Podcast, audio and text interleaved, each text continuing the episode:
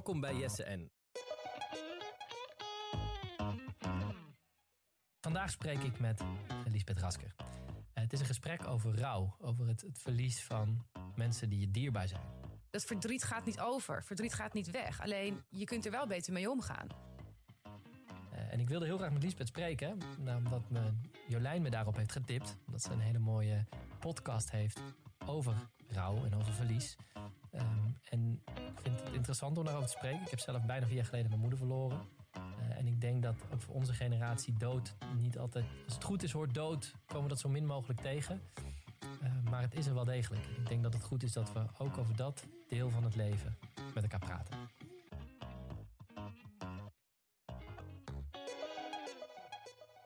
Lisbeth, wat leuk dat je er bent. Ja. Eh, Lisbeth Rasker, eh, geboren in 1988 Ja, klopt. eh, als Elisabeth. Als Elisabeth. Als Elisabeth. Elisabeth Sarah. Eh, Elisabeth Sarah, mooie Ja. naam. Maar je noemt je Lisbeth, daar Ja. komen we straks vast eh, op. Ja. Ehm, iedereen die RTL Boulevard kijkt, die kan je daarvan kennen. Ja, daar heb, ik, daar heb ik wel eens reisnieuws gepresenteerd. Maar Ja. goed, dat is natuurlijk allemaal een beetje over nu. Precies, en want je bent ook eh, schrijver, je hebt boeken geschreven over Ja. reizen. Ja. Ehm, over solo reizen, zeg ik dat goed? Ja, Ja. solo reizen, pinnen in Mongolië. Eh, dat solo reizen, even daar te, gewoon even te beginnen. Ja. Dat, dat doe je, vertel er eens over. Hoe is dat om alleen, ik ben nog nooit alleen op reis Nee? geweest. Nee, nog nooit. Dat is het allerfijnste Wat wat, er is. Nou ja, goed, dat is natuurlijk wel weer heel sterk gezegd. Het, het, het is heel erg leuk om erachter te komen dat je in je eentje de wereld over kunt. En, en dat je dat gewoon kan. En dat dat allemaal. Dat de wereld dus letterlijk aan je voeten ligt. En dat je in die zin niet van iemand afhankelijk bent om een bepaald plan uit te gaan voeren. Dat leert solo reizen je. En dat, dat is heel bevrijdend. Oké, en hoe ben je daarbij gekomen?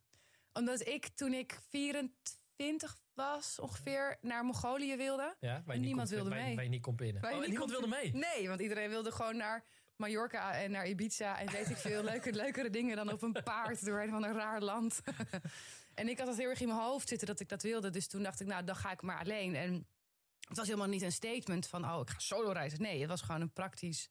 Ja, ik, ga, ik wil naar Mongolië, dus dan ga ik dat maar doen. En dat was fantastisch. En zo is het, het is allemaal begonnen in Mongolië. ja, het is echt allemaal begonnen in Mongolië. Ja, absoluut. Ja, Nou, ja. daar gaan we, misschien komt het wel ter sprake verder nog het solo reizen. Maar Ja. eh, waar ik je eigenlijk over wilde spreken is eh, je, je podcast ehm, eh, Dag voor Dag. ja, mijn vrouw wees me op, Jolijn. ja. En ik heb zelf mijn moeder nu bijna vier jaar geleden verloren. Ja. En ja, zij heeft wel opvattingen over hoe ik omga met rouw. En Mm. eh, zei, dat moet je toch eens luisteren. Ik vond het heel indrukwekkend, het gesprek met je vader. ja. Maar ook met, ehm, ik geloof dat het je vriend Friso was. ja kan, ja. Omdat het, eh, waar, daar, wat daar heel erg naar, naar voren kwam, was je pakt gewoon, hoe zeg je dat? Je wordt heel praktisch. Gewoon dingen regelen en doorgaan. En Ja. eh, knallen, knallen, knallen. Als, het- als het noodlot toeslaat. Als het noodlot inderdaad. toeslaat. Ja, gewoon, en zeker. dat is waar je je aan vastgrijpt. Ja. Maar wat is rouw nou eigenlijk? En eh, de vraag die heel veel mensen je stellen als je een dierbare verliest is, eh, of, of eigenlijk niet de vraag, het advies. Je moet wel de tijd nemen. Of Ja. de ruimte. Dat je Ja. denkt, tijd voor fucking wat? wat Ja. de- de- de- En hoe dan? Wat en hoe betekent dan? dat? En wat dan? En ze komt toch nooit meer terug. ja. Hoe ben je bij deze podcast Ja. eh, gekomen? En kan je iets over jouw eigen... ja zeker. Mijn moeder overleed toen ik tien was eh, aan kanker. Anderhalf jaar ziek geweest. Dus dat was, is nu, eh, dat was in 98. Ehm, en ehm, ik ben opgegroeid dus, dus met, een, met, een, met, een, met een dode moeder, zeg ik altijd gewoon. En ehm, ik dacht altijd, oh, ik begrijp de dood wel. Want dat is zo'n is zo'n onderdeel van wie ik ben. Maar haar beste vriendin, Renate, die, zij kennen elkaar al sinds ze 17 zijn, die nam een beetje, of die, die zei tegen haar: Ik hou een oogje in het zeil. Want ik was heel jong toen ik doodging. En Renate is uitgegroeid tot eigenlijk de belangrijkste vrouw in mijn leven. En die belde ik bij alles. En dat was echt mijn anker. En toen werd zij ook ziek eind 2016 en is in mei 2018 overleden. En toen dacht ik, oh, ik begrijp de dood helemaal niet. Het is en ook heel anders als je 30 bent en als je 10 bent. Maar opeens overviel me dat rouwproces waarin natuurlijk ook dingen door elkaar gingen lopen. Want met de dood van Renate ging mijn moeder ook nog een keer dood. Want al die verhalen die gaan ook weg.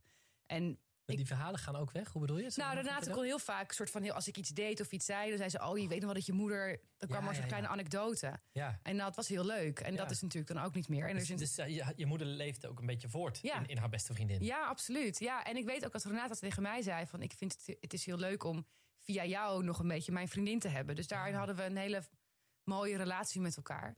Eh, en toen Renate doodging, toen, toen, toen dacht ik: holy moly, wat gebeurt er nu? Ehm, en ik miste heel erg... ehm, ik miste de verhalen daarover. En ik voelde me daar ontzettend alleen in. En ik heb echt geweldige vrienden en, en ontzettend fijne mensen om me heen. Maar die, die, wel, die, wel, die je wel knuffelen. Want dat mocht toen allemaal nog. maar uiteindelijk doe je dat in je eentje, dat rouwen. Ja. Dat herken je misschien wel. En ik, ik hield heel erg van wandelen. Hou nog steeds heel erg van wandelen en van podcast luisteren. En ik wilde podcast luisteren over dit onderwerp. Want waar het hart vol van is, loopt de mond van over. En dat geldt ook voor dit. En die waren er niet. Ik kon alleen een paar Amerikaanse podcasts vinden. Maar die waren best schreeuwerig. En gewoon... Ja, ik zit nu helemaal in die CNN-verkiezingsdingen. En echt zo was het. Ja, gewoon ja. heel luidruchtig en veel bombastisch. Terwijl Rauwe is heel klein. Ja. Ehm, dus toen dacht ik, dan ga ik het zelf maken. Nou, en tussen die gedachte en het daadwerkelijke publiceren zit ook nog weer twee jaar. Maar dat, dat is waar het vandaan komt. Eh, ik wilde. Ik ben niet, niet gelovig. Ik, ik vind niet zoveel aansluiting in dat soort verhalen. Ik wilde gewone gesprekken tussen gewone mensen. Ja. En niet heel. Het hoeft ook helemaal niet emotioneel te zijn. Want je kan er ook heus wel een grap over maken. Dus ja, dat, dat moest het worden. Gewone gesprekken, gewoon aan de keukentafel met, met een fles wijn of een kop thee. Dat ja, is de- precies. En dat is eigenlijk wat, je- wat je ook net vertelde. Mijn moeder ging nog een keer dood. Eigenlijk lachen. Ja. Dat is ook, dat, dat, is, dat, dat is ook een fijne manier om. om eh, als iemand dood is, wil niet zeggen dat, dat dan alle humor uit het leven nou, precies. te zijn. Hè? En, dat juist is- met zo'n onderwerp, Ja. ik word er altijd heel kregel van als, als goed, het is een podcast, dus je- maar ik bedoel meer, dus je ziet niet wat ik nu doe, maar dan gaan mensen vaak een schuin hoofd hangen Ja. en dan kijken ze zo meewarig aan, Ja. oh wat erg, en dan denk je nee, Alsof ze tegen een hond praten. ja, Oh, pootje? ja precies. En van oh, oh, oh. en dat, dat hoeft helemaal niet. En Nee. Dat verdriet, dat zit er wel, dat hoef je helemaal niet op die manier eruit te gaan trekken. Hey, als je het goed vindt, wil ik, eh, ehm, ben ik heel benieuwd. We hebben allebei een ouder verloren. Ja, Maar op een ander moment in, in, in, een ander moment in, de, in, de, in de tijd. En, en het, het, het, het stervensproces van jouw moeder was veel langer. Ja. Mijn moeder is in, in, weet, op 12 april kreeg een hersenbloeding. Op 27 april was ze dood. Ehm, hoe was dat ook als tienjarig, als, als tienjarig meisje ja. om dat mee te maken? Hoe, hoe, hoe heb je dat bewust meegemaakt? Of wist je, mama gaat dood? Was ze er op een dag niet meer? Nee, nee, nee, we wist, nee, ik wist wel, ze was natuurlijk heel lang ziek, ze is anderhalf jaar ziek geweest. Ja, En wij gingen wel vaak naar het ziekenhuis ook. Ze lag in de VU hier in Amsterdam. En, en dat ziekenhuis, dat ken ik uit mijn hoofd. Althans, het is, het is verbouwd, maar toen ken ik dat Ja. blind. En de artsen kennen ons natuurlijk ook. En ik heb nog een zusje van vijf jaar jonger. Barbara, die was toen vijf. vijf. Wow. Dus die wisten natuurlijk ook wel... er komt dat gezin weer met die man die zo hard zijn best doet... en die twee kleine kinderen die, die het niet echt begrijpen. Nee. Maar ik herinner me die ziekenhuisbezoeken heel veel. Mama is ziek. Dat was wel, dat wist je wel. Maar wist je dat ziek gelijk stond aan dood? Nee, ze hebben dat ook niet ons meteen verteld. Pas Nee. echt toen het echt duidelijk was dat het echt niet meer lang ging duren. Toen heeft mijn moeder een gesprek met ons gehad, met mij en mijn zusje, apart. Ik kan me hier jammer genoeg weinig van Apart herinneren. bedoel je van, van, van met, de- dus, de- de- met jullie allebei afzonderlijk? Ja, ja, dat bedoel Ja. ik. Ja, ja. Dus is, is met mij. Ik weet nog wel dat we op mijn bed zaten in mijn toenmalige kamer. En, en dat. Ik weet niet meer zo goed wat ze heeft gezegd. Maar toen heeft ze, heeft ze echt afscheid genomen van het gaat. Of afscheid genomen, maar toen heeft ze verteld: ik ga dood en dat, dit is wat er gaat gebeuren. Weet je nog hoe jij reageerde? Kan je dat, heb Nee. je dat, dat eh, Nee, weet ik niet meer. Ik weet ook niet meer precies wat ze heeft gezegd. Volgens mij. Ik herinner me wel nog dat ze zei... en misschien krijgt papa ooit een nieuwe vrouw... en dat is heel goed. Dat soort dingen Oh, echt herinner ik me. Ja.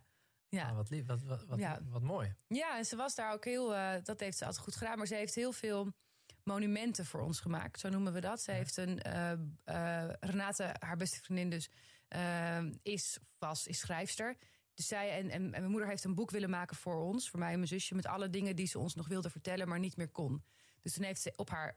In het ziekenhuis heeft Renate haar geïnterviewd aan de hand van allemaal onderwerpen over liefde en over werk en over de ouders en over, over borsten krijgen en ongesteld zijn. Allemaal dat soort meisjesdingen ook. Ehm, en dat heeft Renate een heel mooi boek van gemaakt. En dat boek heet De Stem van je Hart.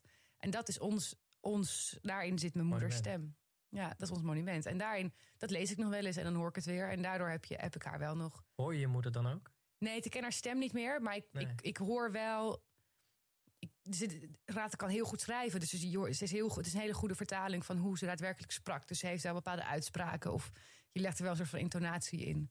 Ehm, Ja. Maar ik, dus mijn eigen herinneringen, ja, zo lang geleden. Ik weet het niet meer zo goed. Ja, voor mij is het helemaal niet zo lang geleden. Maar je mer- ik merk dat herinneringen aan bepaalde dingen niet. De geur van Ja. mijn moeder verdwijnt, verdwijnt niet. Nee, klopt. Eh, eh, maar wel hoe ze dingen, en sommige dingen, maniertjes van hoe ze iets zei of hoe ze reageerde, dat zie ik bijvoorbeeld in een nichtje van mij heel erg terug. Ja. Oh, dat is mijn moeder.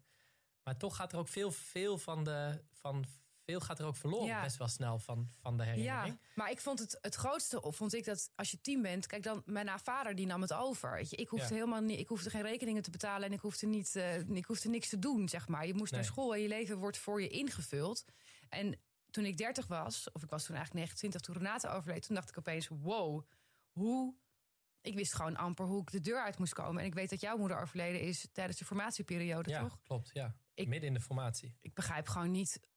Ik begrijp gewoon niet hoe je dat hebt gedaan. ik, ik zelf eigenlijk ook niet. Nee, en zeker niet als het, zo, als het zo snel gaat. Als er niet een lang ziekbed aan vooraf Ja. gaat. ik, ik, ik weet, ik, ik, dat weet ik nog heel goed hoe dat ging. Ik was, ehm, het was 12 april, ook die, al die data. Ja. Ik, ik weet, ik- het heeft twee jaar geduurd voordat ik... De eerste twee jaar heb ik bijna niks gevoeld van het verlies van Oh ja? Ja, het was heel raar. Het was, ik was intens verdrietig toen ze overleed. En die eerste twee jaar heb ik het toch een beetje weggestopt. En pas na twee jaar kreeg ik rust. En toen eh, kwa- werd... Of na een jaar, even, nou ja, twee jaar of een jaar. In ieder geval toen mijn jongste zoon werd geboren. Hm. Die is eh, in mei geboren. En in die periode daarvoor eh, had, ik, had ik vaderschapsverlof. Dus was ik thuis. Oh ja. En dat was voor het eerst dat ik niet knetterhard aan het werk was. Ja. En wat ik toen merkte was dat ik de hele, het hele ziekbed van mijn moeder... Nou, heel, dat was zeer beperkt. Maar allemaal me herinnerde. Dus Ja. het was 12 april eh, dat ze ziek werd. En zo rond 10 uur kwam Diederik, mijn woordvoerder. Dat, dat werd een briefje binnengebracht door een bode. En die zei, Diederik staat buiten. Ik moet, ik moet iets privés met je bespreken. Spoed. En ik dacht, oh, mijn kinderen. En dat kwam helemaal daarna kwam dat terug. En die periode heb ik het helemaal herbeleefd. ja. Eh, Maar toen ging je naar buiten, kreeg je dat briefje. dat briefje. En toen, toen, toen er is iets met je moeder. Dus ik, ik kreeg dat briefje. Ik ging naar buiten. Diederik stond. En die zei, je moeder is onwel geworden. En toen dacht ik, yes, niet mijn kinderen. Ja. Dat was, dat was het allereerste. En toen bellen. En toen, ja, ja, we weten niet wat er met je moeder is. Maar ze is naar het ziekenhuis gebracht. Het ziet er niet goed uit. En toen wist ik, dit is niet, eh, dit is niet goed. Dus toen Ja, ben ik gelijk, wist je wel meteen. Ja, ik voelde gelijk, Ja. dit, is niet, eh, dit is niet goed. Ik weet niet wat het is, maar dit is niet... Iemand, eh, een vrouw is 51, die gaat niet neer. Nee. en wordt afgevoerd, dan is er iets serieus aan de hand. Dus ben ik gelijk in de auto gestapt, of in een taxi gestapt en heel snel naar, naar Brabant gereden. En het was Tilburg of Berg op Zoom, ik wist nog niet waar. En ehm, zo voor Rotterdam kreeg ik een telefoontje van ehm, eh, ze, ze gaat nu naar Tilburg. Toen kwam ik daar aan en toen was ze net binnengebracht door de spoedeisende hulp. Ja, dat is, dus dat, dat heb ik toen pas Mijn allemaal hemel. herbeleefd. Ja. Dus toen, toen in, in die formatie zelf, ja, je gaat gewoon door. Je Ja. moet. Ik, weet Maar er zat nog drie weken tussen ongeveer, toch? ja, dus de 27 april is ze overleden. Eh, en ik heb In het dat ziekenhuis ook. in het of- ziekenhuis. Ja, En was je daarbij? ja ook dat kan, dat kan ik me nog allemaal. Ja, Ja. dat kan ik me allemaal als de dag van gisteren herinneren. Dus dat Het is nog niet zo lang geleden. Nee, het is niet zo lang geleden. Nee. Het voelt wel heel lang. Maar eh, ik, ik was bij, mijn, eh, bij haar man, bij, mijn, eh, bij Cor. En die ging ik net ophalen om naar het ziekenhuis te gaan. En toen werd hij gebeld. Zei ze, u moet komen, want het gaat heel slecht. En om zeven uur zouden we daar zijn. We hadden eigenlijk... Ik had daar bijna drie weken hadden we daar permanent geslapen. Ja. Ook in het ziekenhuis waar we er geweest. En nu dachten we, oh, het gaat eigenlijk wel beter.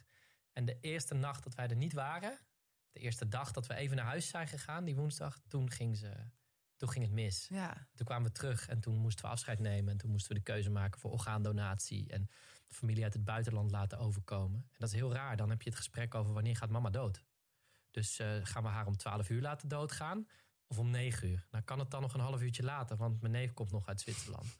Hè? Dat, dat soort, Ja, dat soort teksten kan mijn nichtje uit Burkina Faso nog overkomen. Eh, Want ze heeft, euthanasie gepleegd. Dus laten plegen, dus begrijp ik. nou, de stekkers werden eruit. Ja, Oh, het heel oh. plat, zeggen. oh, Het was sorry, ze was echt helemaal niet meer erbij. ze in was er niet meer bij. Nee, nee, ze, nee, ze was, sorry, ze was gelijk in coma. Dus ik heb er, niet, ik heb er niks Oh, meer mee. Ze heeft nog in mijn, ik voel nog hoe ze in mijn duim knijpt. Eh, dus ik heb dat nooit meer meegemaakt. Of ik heb er nooit meer gehoord. En ik heb er wel, ja, gewoon, gewoon zo dat ze reageerde. Ja. En, eh, en- dus dat soort dingen. Dan bepaal je de tijd waarop je moeder Ja. doodgaat. Want, want ze, was, ze, was, ja, het was, ze was er niet meer. En wanneer de stekkers eruit werden getrokken. Hoe, hoe was dat? Een van de allermooiste momenten van mijn leven. Ja? Ja, omdat we waren met mijn hele familie. Dus ik heb een beetje een aparte familie. Dat wil zeggen, mijn neef is eigenlijk een soort van broer en mijn beste vriend. Maar die is altijd opgegroeid met mijn moeder. Dus, dus dat was haar broertje. En eh, mijn neef uit Zwitserland was er. En haar zus en mijn oma. En haar man. En we waren allemaal rondom het bed. En keihard aan het janken. En Ja. ons de beurt om de nek hangen. En eh, gewoon heel hard huilen. Heel, heel hard. Dat was een super, super mooi moment. Mijn nichtje uit, eh, die in Burkina zat voor de werk. Die, eh, die was op de telefoon erbij, op de luidspreker. Ook aan het huilen en bij de oor om nog wat laatste dingen te zeggen. Dat was super mooi. Ja. Het is echt een, was een heel mooi afscheid. En heel verdrietig. En daarna, ja, we, ze, ze heeft, haar organen zijn gedoneerd. Dat is ook heel raar, want je hebt daarna vijf minuten, zeg maar, om. Uh, ja. Maar daar waren we goed op ingesteld en goed, we echt heel goed begeleid. Maar je moet gewoon gelijk. Ze moet onder het mes. Is alles gedoneerd? ook ter hart?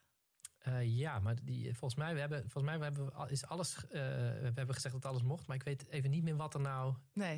Dat is raar, dat ben ik nu vergeten. Ik was toen heel trots toen ik hoorde wat het was, maar volgens mij een paar dingen waren ook niet meer goed Dat lijkt me zo'n mooie gedachte als, als iemands hart nog ja, klopt. Ja, mij ook, maar dat is niet gelukt, haar hart. Dat nee, weet ik wel. Okay. Dus het mocht wel, maar, maar dat was niet goed genoeg. En de lever, ja. oh, nou ja, er waren... Ja, natuurlijk, er zijn allemaal, allemaal van alles ingewikkelde en, medische allemaal, dingen. Allemaal ingewikkelde medische dingen.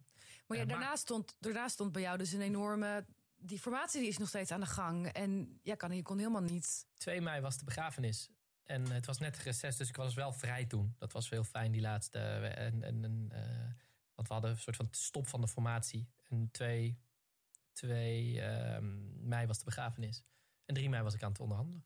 Ja, ongelooflijk. Ja, maar ik denk wel, maar goed, dan moeten we snel terug ook naar Renate. Maar op een gegeven moment, als je. Mijn moeder heeft altijd gezegd: een mens krijgt nooit een beproeving in zijn leven die je niet aan kan. En uh, de beproeving voor mij was en een formatie doen terwijl mijn moeder doodging. En er was geen keuze. Ja, ik dus vind wel dat je flink, een flink hebt gekregen dan. Ja, het was een ja. flinke beproeving, maar er was geen keuze. Het was niet nee. dat ik even kon zeggen: Nou, weet je wat. Uh, nee. Het voelde niet alsof ik. Het voelde ook niet als, als een keuze die, die je had. Dus het was voor nee. mij volstrekt normaal. Ik heb het daardoor wel, denk ik, twee jaar nou, niet verwerkt. Ik wou net zeggen, het klinkt wel alsof je inderdaad die, die keuze kan je inderdaad niet maken. Maar als het, als het ook helemaal geen lucht krijgt, dan komt het ook niet, dan komt het ook niet bij je. Nee. Dus als het inderdaad, als jullie dat ook hebben twee jaar later pas, dan denk ik, oh ja, ja. Dat, dat, zou, dat heeft natuurlijk wel met elkaar te maken. Maar goed, dan ga je natuurlijk al heel snel een soort psychologie van de koude grond. Nee, maar ik denk dat deze psychologie van de koude grond wel helemaal klopt. Want wat ik zeg, pas bij mij kwam het naar, naar buiten ja. toen, toen, ik, um, toen ik vrij was, omdat mijn kleine werd ge, die kleine werd geboren. Ja. En dat je thuis en toen ging ik het helemaal herhalen. Toen was het, weet je, 12 uur. Ja. Nu was, kreeg ik dat briefje. Oh, nu zat ik in de taxi. Oh, toen kwam ik aan. Toen lag ze daar. Toen werd de schedel opengemaakt. Toen uh, al dat soort. Uh, en hoe vond je dat om te herhalen? Ja, als, uh, was dat verdrietig of ook wel weer een soort troostrijk of zo? Vind ik een goede vraag. Het was gewoon als een fact of lie. Gewoon ja. dat het, het was verdriet, het was confronterend. Ik denk dat dat het was. Ja. Niet per se troostrijk, niet per se geen tranen met tuiten, maar ik heb daarna ook niet meer. Ik heb eigenlijk sinds de begrafenis niet meer gehuild. Wat eigenlijk heel raar is, maar uh, ja. uh, het, was, het was gewoon heel raar om mee te maken, maar ook heel mooi om het gewoon weer even. Ja, afscheid nemen is belangrijk. Ja. Hè? Dus, dus het afscheid wat ik je net vertelde, maar ook wat terugkwam was dat ik op 1 mei, dat is mijn verjaardag. En uh, op 2 mei is ze dus begraven. En we hebben mijn moeder wilden we in de kist dragen, de kerk in dragen. Ze is, mm -hmm. uh, uh, en we moesten, we dachten, ja, we hadden onwijs gezopen. Dus met mijn neven waren ja. katje, katje, lam. en we waren bij haar thuis waar ze lag opgebaard. En we dachten, we moeten met die kist oefenen. Want dit gaat anders helemaal mis. En nou ja, hoe dat gaat als je katje lam bent, dan ga krijg je de beste ideeën. Dus we hebben mijn nichtje in die kist gelegd met, oh, met flessen nee. cola om te oefenen. Oh nee. Uh, dus we zijn door huis gaan lopen met mijn nichtje erin. En, nou ja, oh, dat, wat een ook, schitterende scène. Ook dat komt terug. En ook dat, is, en dat is super troostrijk.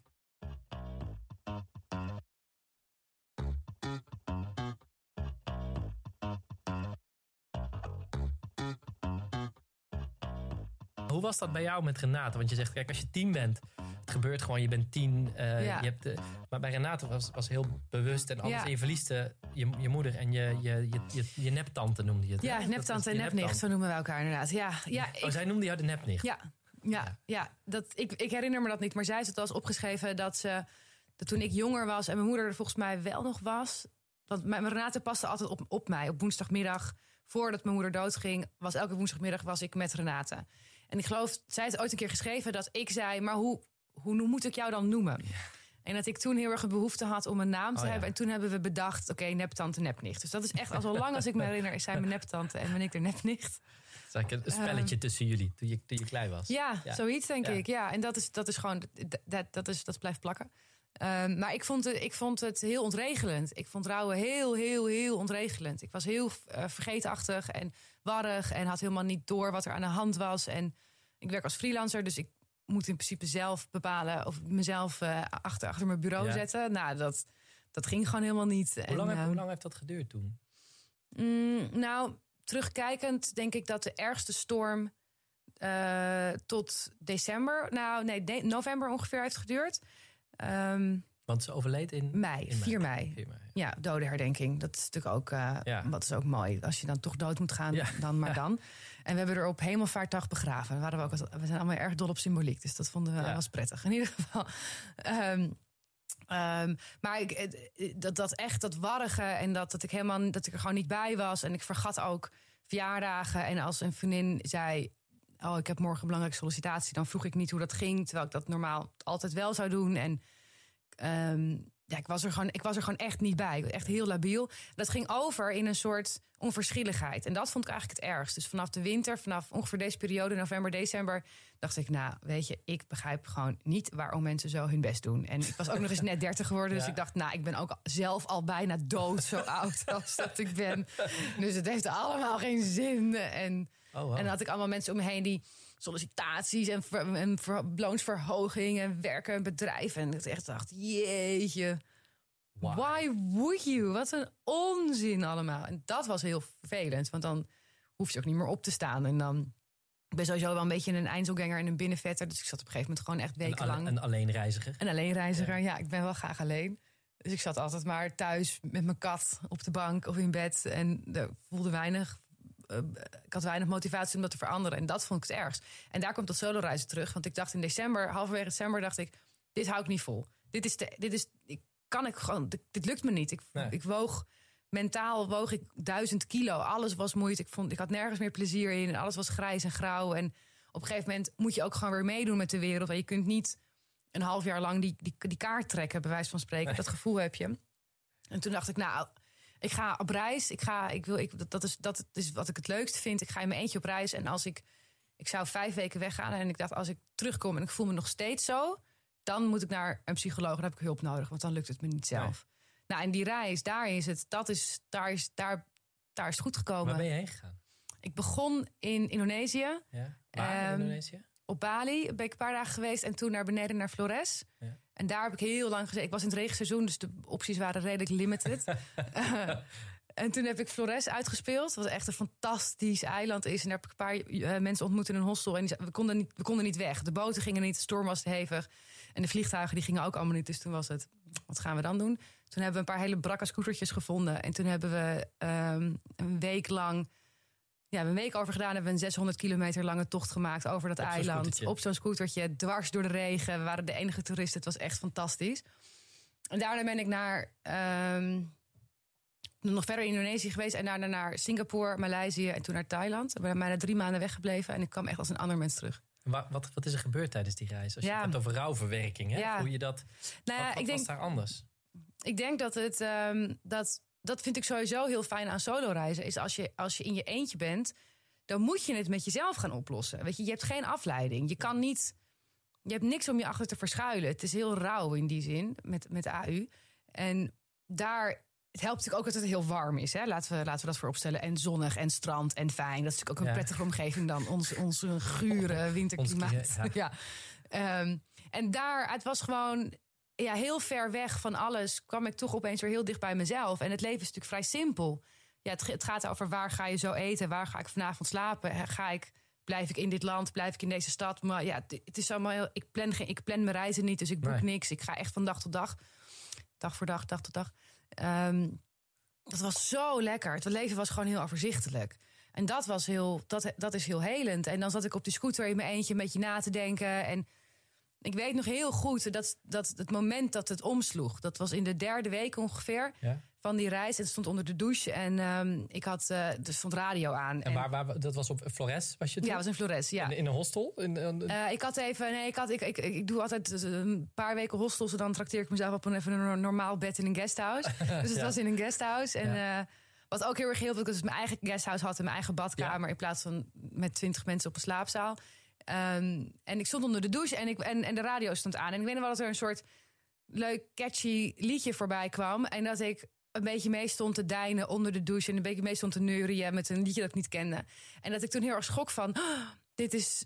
Zo voelde het om vrolijk te zijn. Het was echt... Het, het overviel me helemaal van... Oh ja, zo voelt het om gewoon casual op een muziekje mee te deinen. Toen realiseerde ik dat het echt voor het eerst in een jaar was dat ik dat had. dat je weer vrolijkheid voelde. ja, gewoon onbezorgd een beetje neurien met iets. Maar had je het ook, was daarmee ook, had je het, dit is op dit soort gesprekken moet je altijd oppassen voor de psychologie van de koude grond. Ja. Maar, maar eh, was dat omdat je gewoon helemaal kon loslaten wat Ja, er was gebeurd? Dat je gewoon het. alleen maar in het hier en nu was en, en toen kwam Ja. het vanzelf weer? En Indonesië is een schitterend land en ik hou heel erg van reizen. Dus dat is natuurlijk ook Ja. fijn. En ehm, ik denk dat het inderdaad dat je even uit je hoofd. Ik ging even uit mijn hoofd. Het- je moet hele praktische dingen doen als je op reis gaat. Ja. En dat was heel goed. En niet dat het daarmee over was hoor. Ik bedoel, en en ik, ik heb ook heel vaak gedacht: oh, het is nu voorbij. En dan merkte ik later: nee.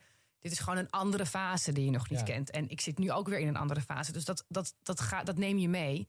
Maar ik weet nog wel dat ik toen echt dacht: oh, het komt goed. Ik weet nog niet hoe en ik weet nog niet wanneer. Maar het komt goed. Hey, maar je hebt de. Je, je kan ook zeggen op een gegeven moment als je weer zo back to basic gaat. Ja. Gewoon de- waar eet ik? Wat, wat, Ja. eh, eh, wat eet ik? Wanneer ga ik eten? Waar ga ik slapen? Mijn scootertje heb ik nog genoeg benzine. Ja. Eh, word ik niet aangereden of, of rijd ik niet over een buffel heen? Ja, en Eh, wat een fantastische vulkaan heb ik net beklommen. En wat een geweldig eh, land is dit. gewoon dat echt, allemaal. echt het hier en nu. Dat kan er ook voor zorgen dat je zegt, nou weet je wat, dit is het leven.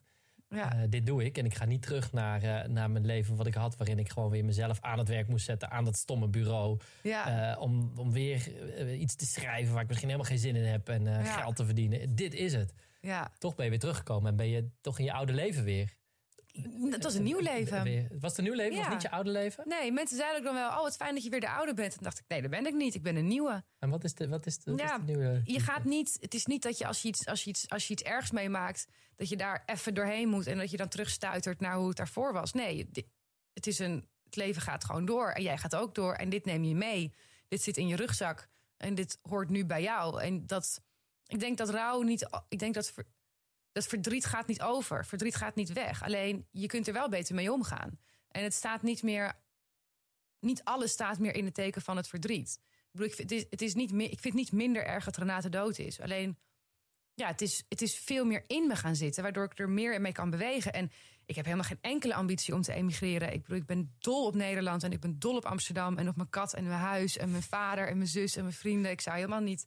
Ik zou het heel leuk vinden om ook nog een keer een jaar een wereldreis te maken, maar dat, dat wil iedereen, zo'n droom die iedereen heeft. Maar nee, ik, was heel, ik ben heel blij. Vooral terugkomen lijkt je ook heel leuk. Ja, absoluut. Ja, ja. ik zou helemaal niet eh, het land, dit land uit willen. Nee. Nee, nee, dat herken ik wel over het verdriet. Hè? Dat, dat, ik denk dat dat misschien ook wel belangrijk is aan... Althans, wat mij heel erg heeft geholpen, is het accepteren. Ja, En, Ja. en, en op zich, als je het zo druk hebt en je hebt zo'n formatie... is eh, vanaf dag één accepteren, she's gone. Ze is er gewoon Ja. niet meer. Het is klaar. ja je moet je er niet tegen gaan verzetten. Nee, nee, en, en Nee. Dat, dat, dat, dat je daaraan overgeven, ze is weg. Het Ja. is dood. Ze komt nooit, ze komt, ze komt nooit meer terug. Ja. Het enige wat ik heb is de herinnering. En alles wat ze me heeft meegegeven, de mooie... Maar heb je niet ook dat je. Want zeker dat ze dood is en dat ze ook niet meer terugkomt. Maar ik heb wel. Daar ben ik nu heel erg naar op zoek van. Ik probeer wel nog steeds een relatie met haar te onderhouden. Als in, niet dat ik letterlijk tegen haar praat, zoals bijvoorbeeld Friso in mijn podcast wel doet. Die heeft echt gesprekken met zijn vader. Maar Renate is nog steeds in mijn hoofd. Ze is nog steeds een heel wezenlijk onderdeel. Ja, iemand is weg, maar iemand is niet uit mij weg. Nee. Dus het is niet dat iemand op dat het opeens. Ik vind het altijd ook heel lastig als mensen helemaal niet meer erover praten. Nee. Ik heb nog steeds dat ik eigenlijk over haar in de tegenwoordige tijd praat. Bij voorkeur. Omdat ik dat gewoon. Mama is. Of Renate is. Ja, vooral voor Renate. Mijn moeder is, wel, is wel meer was. Ja. Dat is dan toch een verschil. Maar met Renate denk ik, ja, dan. Als, als ik het over haar heb en, en als, als ik bijvoorbeeld zou willen zeggen dat ze heel grappig is, dan denk ik, ja, maar ze, is dat nog steeds? Ze is, ja, ze is dan misschien wel dood, maar dat wil Ze niet. maakt alleen geen nieuwe grappen. Nee, ze maakt geen nieuwe grappen, maar alle grappen die er waren zijn nog steeds heel leuk. Ja, ja, ja, ja, dat is waar. Weet je, ik wil, ik wil helemaal niet dat zij in een verleden gaat zitten. Ik wil heel graag haar bij me houden.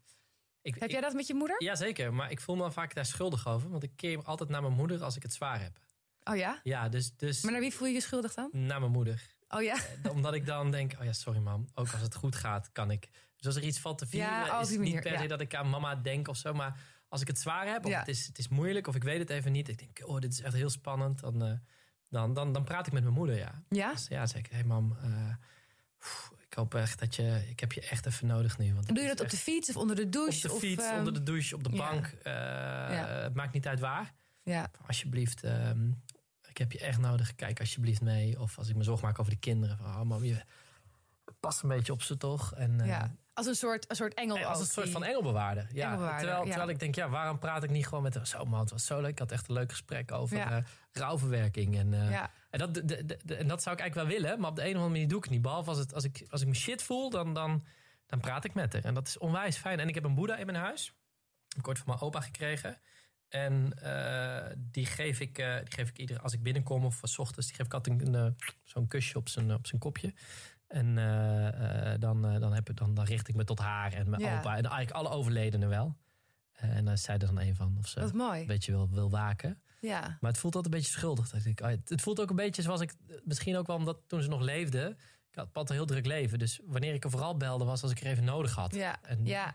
En, en dat is wel wat bij Frank. Ik weet niet hoe dat bij jou, jouw relatie, dat, in je relatie met Renate. Maar eh, waar, waar, wat ik probeer weg te stoppen of waar ik echt moet rationaliseren, is de spijt van dingen die je niet hebt gedaan. Of Ja. dat je te weinig er bent geweest. Of, Ja. eh, dat, dat- en dat vind, dat vind ik het moeilijkste van dat iemand er niet meer is. De herinnering blijft. Hè, Ze, ze is, Ja. is, ze was niet, ze is. Maar alles wat je niet meer kunt doen. En dat, dat, dat, dat je daar niet om mee laat eh, slepen. Ja, dat vind ik heel erg. Want Dat ze nooit meer mijn, mijn jongste zoon. Ja. eh, dat ze die nooit zal kennen. Dat hij niet weet wie oma Sally is. Ja, dat vind ik, dat, dat, dat vind ik, echt, ondra dat vind ik echt ondraaglijk. Het is ook echt en dat stop ik weg. Dat, is, Ja. daar ga ik, eh, dat ga ik niet aan. Ja. Dat, dat vind ik. eh, Ja, ik heb, een, ik heb om allerlei psychologen in mijn hele leven wel gesproken. Dus, maar ik weet nog wel, dat de, de, de laatste die zei... dat was de beste. ja, ik vond- ik was erg blij met haar. Maar ik, ik zat op een gegeven moment heel erg te zitten. Ik was heel erg bang dat ik ehm, het verlies van mijn moeder wegstopte. En, en dat van Renate en zo. En toen... eh, ook, het ook gewoon een pragmatisch persoon, deze vrouw. Maar ze zei ook, ja, maar aan de andere kant... je moet het een beetje wegstoppen. Want het is te erg. Wat jij nu ook zegt, het is te erg dat je, dat je zoon dat niet gaat meemaken. Dat is, dat is to- totaal onverteerbaar. Ja. Als je je daar helemaal aan open zou stellen... aan open zou geven, voor open... zou- Nou, zo, zo, dat kan ook niet. Je moet het een beetje...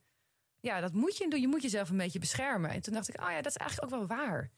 Je, je moet jezelf een beetje beschermen tegen Ja. dat grote verdriet. Anders dan, dan werkt het ook niet. En het komt steeds weer terug. Er komen steeds weer fases in het leven dat je opeens denkt... oh, ik zit nu opeens, ben nu opeens hiermee bezig. En oh.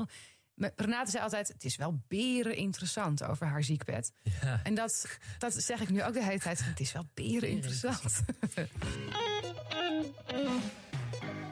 Hey, ik, wat, ik, ehm, wat ik leuk vond, wat ik goed vind aan, aan, je, aan je podcast, is dat eh, zeker voor, voor onze, ik kan voorstellen voor onze generatie over de dood praten. Het is zo vaak zo ver weg. En Ja, je wordt er in één keer mee geconfronteerd. Het kan, kan een ouder van een vriend van je zijn of, Ja. of een vriend zelf. Of, maar als het goed is, dat Ja. klop ik heel bewust ik af, ben ook heel, komt heel komt, Ja. dat, ja, komt dat zo min mogelijk voor. Ja. Maar welke handvatten je hebt om daarmee om te gaan. En, en ehm, eh, een van de beste tips, maar misschien heb je er meer, vond ik de vraag die je moet stellen. Even kijken, daar zei jij van. Hoe gaat het met het grote gemis? Ja, Ja, hoe gaat het met het van grote Friso gemis? is die. Ja, Dat, vond, Ja. dat vind ik echt, dat, dat, dat vond ik, die vond ik zo goed. ja, Eh, omdat het heel vaak is, neem je wel, de, het is eh, gebiedende wijs. Zo van, ja. neem voldoende tijd, Ja. eh, geef de ruimte aan je verdriet en, en gewoon een vraag stellen. Ja, Dat en is- ook als iemand vraagt hoe gaat het met je, dan denk ik dat is te groot. Maar dan kun je ook al vragen hoe gaat het vandaag met je. Ja. Dat is ook al vaak een Dus hele fijne. Neem eens zoals nog maar wat voor mensen die luisteren. En laten we hopen dat je het nooit nodig hebt. Maar eh, Nou ja, kijk, ik wat, denk- wat zijn nou de belangrijke tips als je iemand in je omgeving hebt die dit meemaakt en hoe je Maar daarmee ik vind het wel interessant wat je aanzet inderdaad. Want inderdaad, we zijn, de, we zijn als de dood voor de dood. En daar, dat, dat is helemaal niet goed.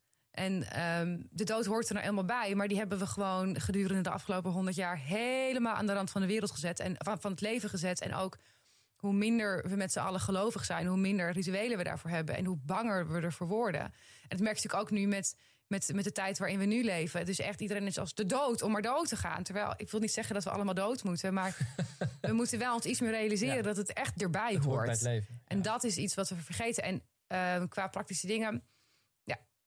Het ligt er een beetje natuurlijk aan aan wie het vraagt. Hè? Dat, dus dit is wat ik vind Ja. en wat ik op basis van, van die gesprekken heb geleerd. Maar er zijn ook mensen die natuurlijk anders over denken. Maar voor mij was het het allerergste als iemand er niet naar vroeg. Als iemand, me, als iemand het geen aandacht gaf. Als ik. Ik heb me verschrikkelijk eenzaam gevoeld bij etentjes of verjaardagen. Waar, waar niemand naar me vroeg, aan me vroeg: hoe is het? Maakt me niet uit wat je had gezegd, maar had even erkend dat ik dit aan het meemaken ben. Dat vond ik zo hartverscheurend. En dan later begreep ik, ja, maar ongemakkelijk, moeilijk. En dan denk ik, ja, maar ik geloof dat ik gewoon wil dat je even over je eigen ongemak heen stapt. Stap om mij dit, om mij heel even te zien. Dus dat, en als ik er geen zin in heb, het gebeurde ook wel eens hoor, dat iemand zei, en eh, hoe is het? En dat ik dan op een leuk feestje stond of in de kroeg en dat ik zei, ja, ik heb er gewoon even geen zin in om over te praten. Nou, dat is dan prima. Maar die deur die moet wel op een kier kunnen staan. Dat is eigenlijk het belangrijkste als je denkt, het kan voor jou ongemakkelijk zijn om het te vragen. Of Ja. de deksel op je neus te krijgen omdat je niet mee moet bemoeien. Maar dat is altijd minder erg dan het niet vragen. Ja, is echt minder erg. Ja, En, daar, en dat, zak it up. Daar moet je dan Ja. maar gewoon even doorheen. Ja. En inderdaad, leer jezelf dan dat soort vragen aan. Van hoe gaat het met het grote gemis? Slaap je een beetje? Ja. Ehm, eh, is- is- praktische vraag, hoe gaat het vandaag met je? Kan ik iets voor je doen? Kan ik iets voor je doen? Ja, dat ja, is altijd lief. Weet je, basically, de basisregel is: beter iets dan niets. Dus ja, zeg dan maar wat kan ik voor je doen. Ik vond het het lekkerste als mensen dingen voor mij besloten. Want ik was totaal in, in een totaal beslissingsvacuüm Ja. voor alles. Van schat, we hebben, ik heb een plan. Ja, we gaan, gaan. dit doen. Ja. Gewoon niet van, heb je zin om mee te gaan eten? Nee, want ik heb nergens zin in, dus nee. Maar gewoon, ik haal je om acht uur op en we gaan, je gaat mee naar dit. Ja. En neem dingen uit handen. Ik had, Renate is de laatste drie weken van haar leven... ehm, heeft ze echt in een, in haar sterfbed gelegen. En heb ik met haar man en dienstdochter... met wie we ook weer een soort gezinsconstructie hebben... eh, voor haar gemantelzorgd, zeg maar, daar in huis. En eh thuiszorg de laatste slok, noemden we onszelf. En haar echt verzorgd, dus ze liep niet meer. En het was een hele mooie tijd ook. Maar mijn huis, waar een kat woont... en ik heb een heel oud, stoffig huis... was echt, echt een gore bende geworden. Ja. Dat is natuurlijk echt al een maand was ik daar niet geweest. Nou, vreselijk.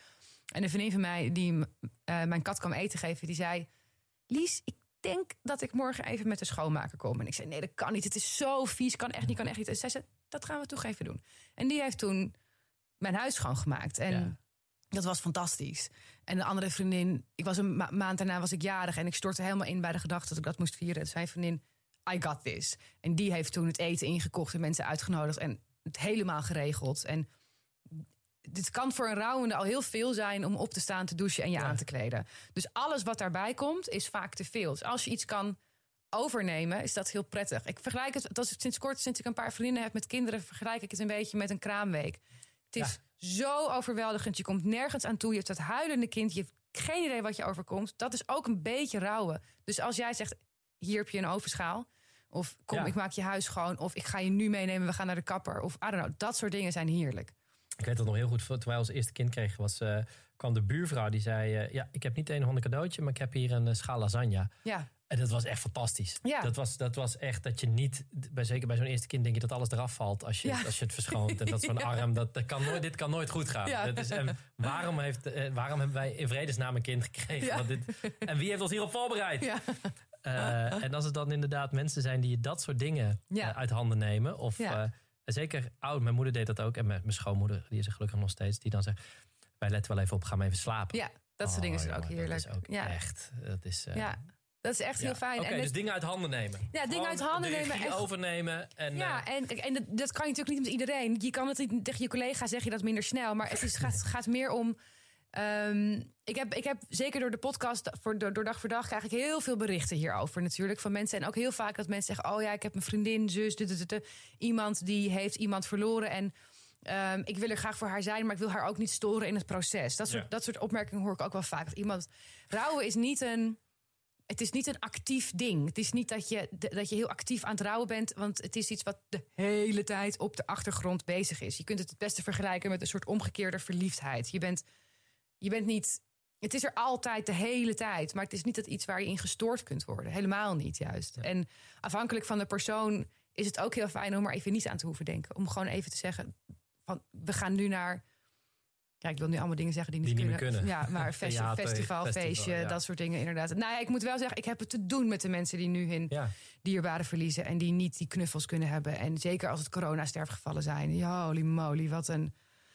Ja, het is echt, echt inhumaan van, voor deze tijd. Het Wat denk je wat dat ehm, doet met, met, met, het, met het rouwproces voor mensen? Als je inderdaad nu in deze tijd mensen, mensen verliest.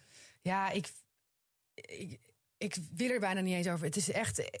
De begrafenis of het afscheid van Renate was een hele mooie dag bijvoorbeeld. Daar Ja. heb ik hele fijne herinneringen aan. Dat je dus nu met z'n allen. Of wat is het? Hoeveel mensen mogen er nu? 20, 30. 30 mensen op anderhalve meter. Ja, dat, dat kan helemaal niet. Dat druist tegen alles in hoe een afscheid hoort te zijn.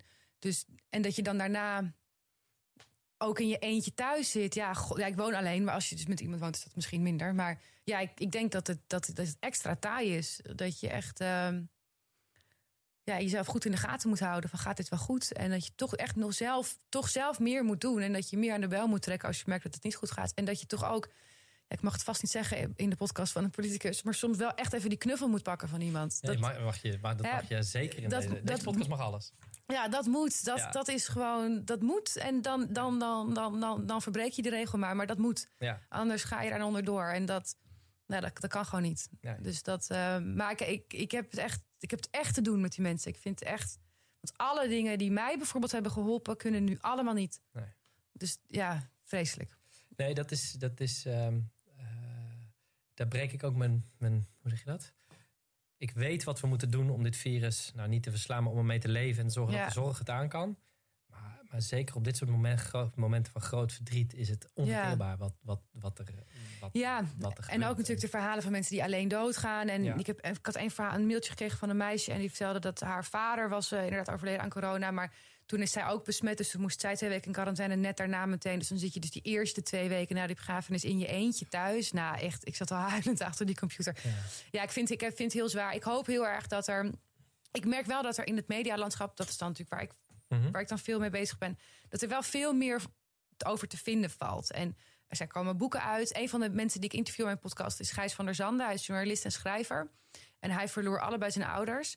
En hij heeft een fantastisch. Ik heb het nog niet gelezen. Hij heeft er een stukje uit voorgelezen, maar hij heeft een schitterend boek geschreven. Dat komt in januari uit. En ook een soort rouwen voor beginners. De dingen die je vergeet heet het.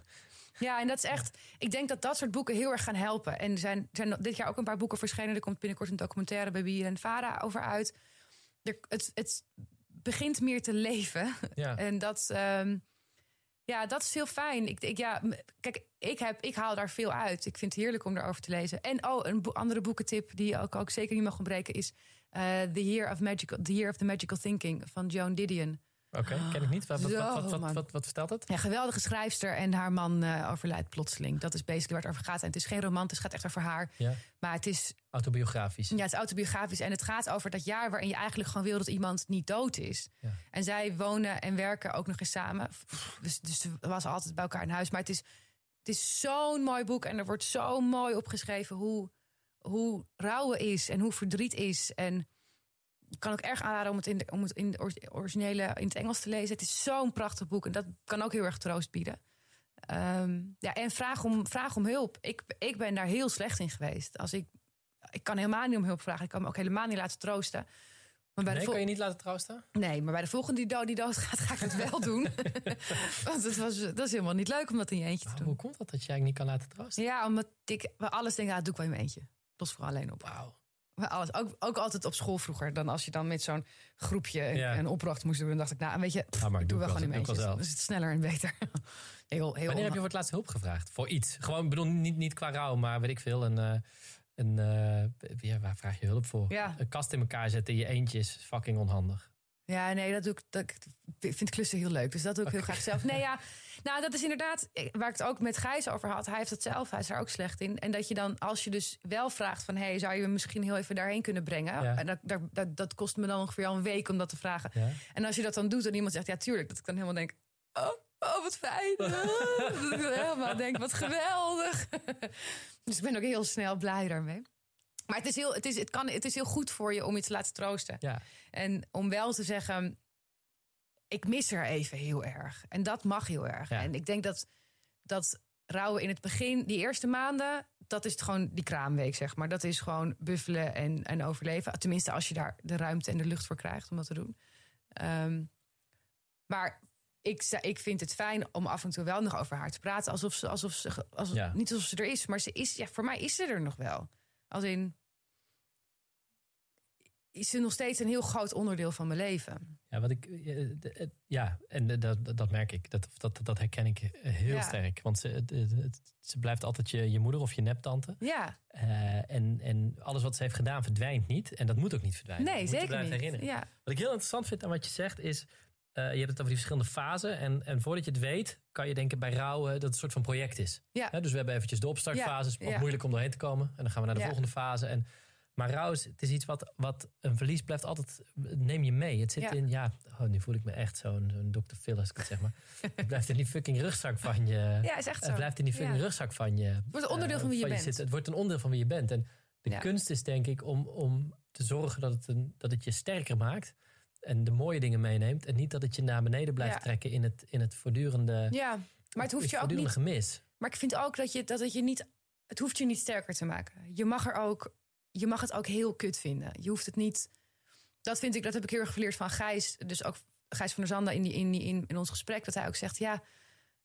Ik hoef helemaal niet een beter mens ervan te worden. Ik, ik, we hebben ook een soort optimalisatiedrift natuurlijk. Dat zelfs het overlijden moeten we ombuigen tot iets goeds. Ik ben het wel met je eens hoor. Ik bedoel, je moet gewoon overleven. Je moet het op een bepaalde manier. eh, Je moet het op een bepaalde manier vormgeven voor jezelf. Maar ik vind het ook wel weer een opgave om te zeggen dat je er een beter mens van wordt. Oké, ik denk dat je daar gelijk in hebt. Ik denk dat ik dat terugneem. Een, be- een beter mens worden. Maar wat ik denk, wat ik bedoel te zeggen is. ehm, eh, niet in het soort van optimalisatie, maar je moet ermee leven. Je moet het meenemen. En laat ik het dan. Anders, het moet op, op, op, op je slechtste dagen. Het, je, moet- althans, ik, wat ik wil proberen, laat ik voor mezelf spreken, niet wat je moet doen. Wat ik probeer, en misschien is dat verkeerd, maar mij helpt het Verkeerd bestaat is, natuurlijk is om, het, eh, om, om stil te staan bij alle mooie dingen. Kijk, Ja. Je kan stilstaan. Ik kan, als ik namelijk denk aan alles wat ik heb gemist aan mijn moeder, dan word ik echt zo fucking verdrietig van. Ja. Eh, terwijl als je nadenkt over alle leuke dingen, alle mooie dingen, alle keren dat, dat ik er belachelijk maakte, of ze zichzelf, Ja. of, of eh, alle mooie dingen die ze voor je deed, of de kaartjes die je leest, die ze voor me schreef, iedere verjaardag, of Sinterklaas of Kerstmis of wat dan ook. Dat is een andere manier van naar herinneringen kijken. En, en ik denk wel, en dat is makkelijker misschien met een.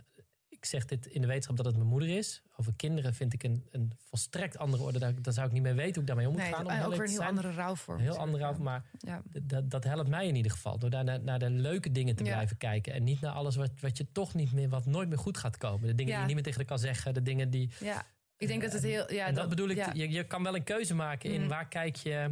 eh, niet geluk is een keuze, maar waar kijk je naar terug? Of wat Ja. neem je mee? Of wat, wat laat je nog, wat voor ballast laat je zijn? Ja, zeker. Sommige En- dingen kan je gewoon kan je niet veranderen. Nee, is klaar. en, je, en you're setting yourself up for failure als je dat pad op gaat. Dat is ook absoluut zo hoor. Ehm, en dat, daar kun je, ja, dat, moet je, dat moet je zeker niet doen. Denk ik niet dat je daar niks aan hebt. Maar af en toe even een dagje zwelgen. Oh, heerlijk hoor.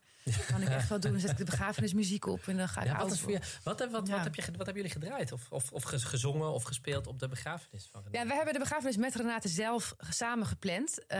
Daar was zij eh, erg duidelijk de CEO in. En ze had ook zelf al een lijst met mensen die moesten komen spreken... waarvan wij er zelfs eentje niet eens kenden. Oh, Dus het was ook een beetje een verrassing... wie er toen op het spreekgestoelte kwam staan. Maar dat is helemaal uitbedacht.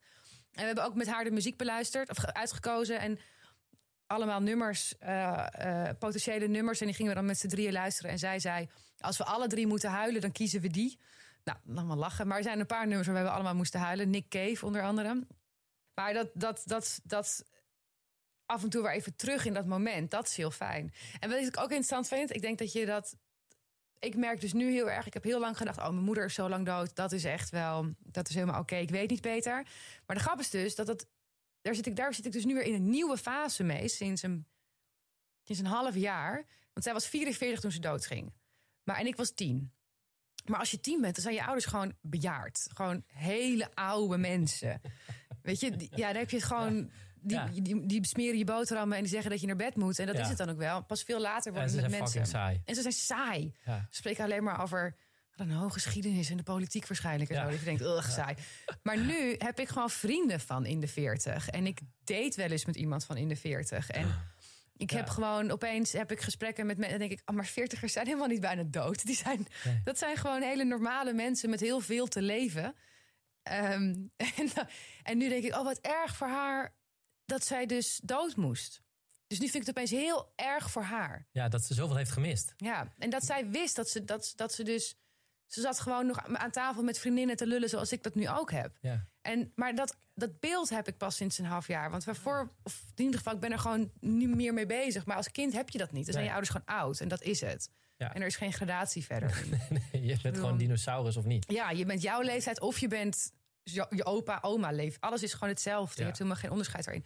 En nu denk ik, oh interessant. Dus nu, nu zit ik de hele tijd...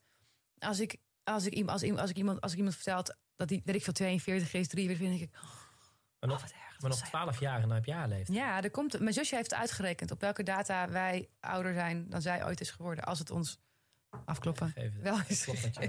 Dat, lijkt me heel, dat lijkt me heel heftig. Dat, Ja. dat is waar ik vaak. Mijn moeder is 51 geworden. Eh, is vergeleken met je weer een stuk ouder, maar, maar ook nog echt zo bizar Ja, jong dat je denkt. Mijn neef had dat, die, werd, die, werd, die, die had haar eh, op, toen, toen hij haar leeftijd kreeg. Echt zo van, "Mm, ja, ik ben nu, ben nu dus ouder dan Ja. Marcella. ja. En, ook, en dat je dan ook echt pas voelt van...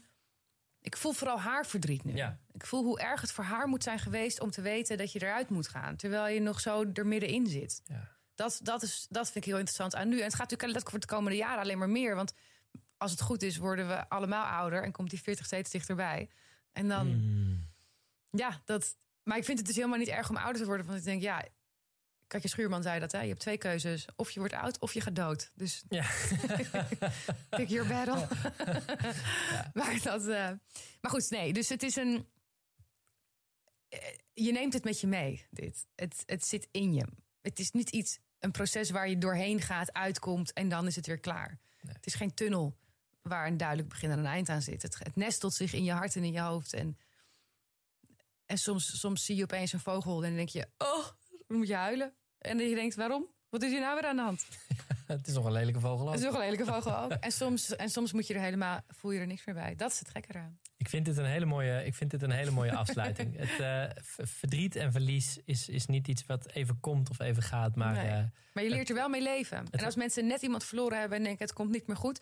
Ik zal nooit degene zijn die, zeggen, die zegt het komt goed. Want dat, is, dat, dat weet ik niet. Maar het wordt wel beter dan nu. dankjewel. Graag gedaan. Thanks.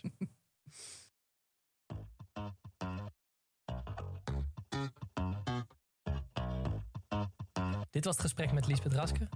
Wat ik echt heel erg interessant vond en, en goed vond, is dat ze zegt: je hoeft er niet per se iets positiefs uit te halen uit, uit de dood of over verlies. Eh, je hoeft er niet beter van te worden. Het, moet een plek hebben en je neemt het altijd met je mee. En het is goed, dat is wat ik eraan toevoeg, eh, dat, moet je niet overnemen, maar het mag je soms best overmannen. Ehm rouw hoort erbij. Het is niet iets wat overgaat. Maar je kan ermee leren leven. Dank aan mijn gast Liesbeth Raske. Dank aan Dag en Nacht Media voor de productie. Laat een reactie achter op iTunes en wil je de hele uitzending met beeld zien? Kijk dan op mijn YouTube kanaal. Abonneer je op deze podcast in je favoriete podcast app, zodat je geen enkele aflevering hoeft te missen. Dit was Jesse en tot de volgende.